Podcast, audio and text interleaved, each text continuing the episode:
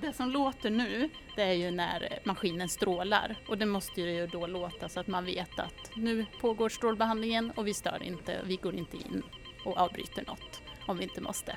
Har ni någon patient just nu? Vi ska precis ta in Vi ska precis ta in. Ja, men vi, får vi gå in och kika lite? Vi smiter in. Yes. I podden Välkommen till Region Sörmland träffar du några av oss omkring 8000 som jobbar här. Idag möter vi Linnea Strandell som jobbar som sjukhusfysiker på Mälarsjukhuset i Eskilstuna. I sitt jobb hjälper Linnea patienter som behöver strålbehandling för olika cancerdiagnoser.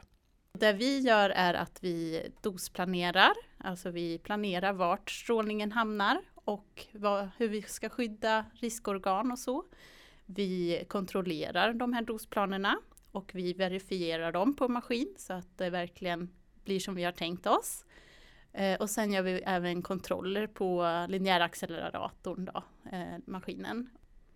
Vad skulle du säga är det bästa med ditt jobb då? Det bästa är variationen skulle jag säga, att det är så mycket olika och varierat men också att man får vara med och bidra. Innan Linnea Strandell börjar sitt jobb med att planera strålningen måste patienten besöka det så kallade Target Centrum. Här görs en CT-undersökning av kroppen för att det ska bli tydligt exakt var patienten ska strålas i linjäracceleratorn, som strålningsmaskinen egentligen heter. Här har vi vår eh, CT-personal.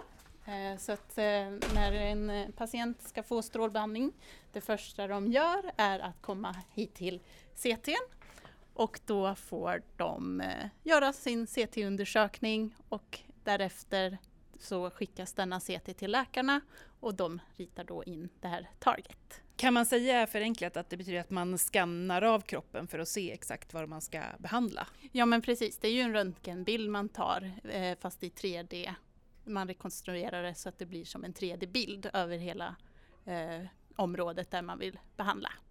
Och sen rent praktiskt då, då sätter du dig vid ett dataprogram mm. och börjar med hjälp av dataprogrammet räkna på då var det ska strålas och hur mycket och så vidare.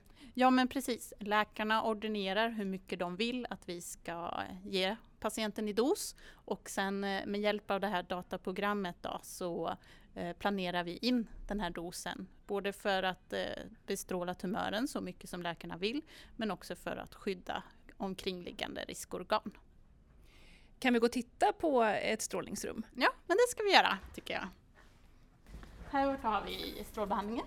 Eh, så vi har två apparater just nu, en till vänster och en till höger här. Och vi kan ju kolla då om vi får kolla lite hur, har ni någon patient just nu? Vi ska precis ta in Vi ska precis ta in. Ja, men vi, får vi gå in och kika lite? Ja, vi smiter in. Yes. Så här kommer vi då till linjäracceleratorn. Och så, den har ju då många armar och ett strålhuvud. Eh, den har två armar här, en där vi vi tar liksom som en röntgenbild precis innan patienten ska behandlas. Så det blir som en snabb röntgenbild eh, för att se att patienten ligger precis som den gjorde när vi tog in den till CTn. Eh, och sen har vi då strålhuvudet och det är där strålningen kommer sen när vi vet att den ligger rätt.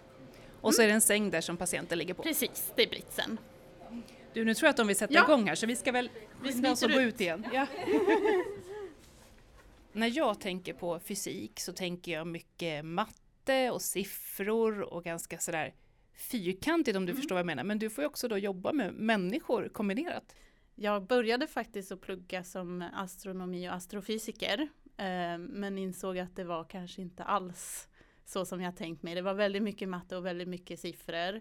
Och det är det som sjukhusfysiker också, men du får det här att du får bidra och hjälpa till. Och den kombinationen är väldigt, väldigt givande.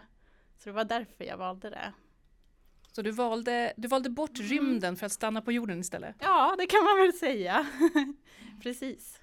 Är det en svår utbildning då att bli sjukhusfysiker?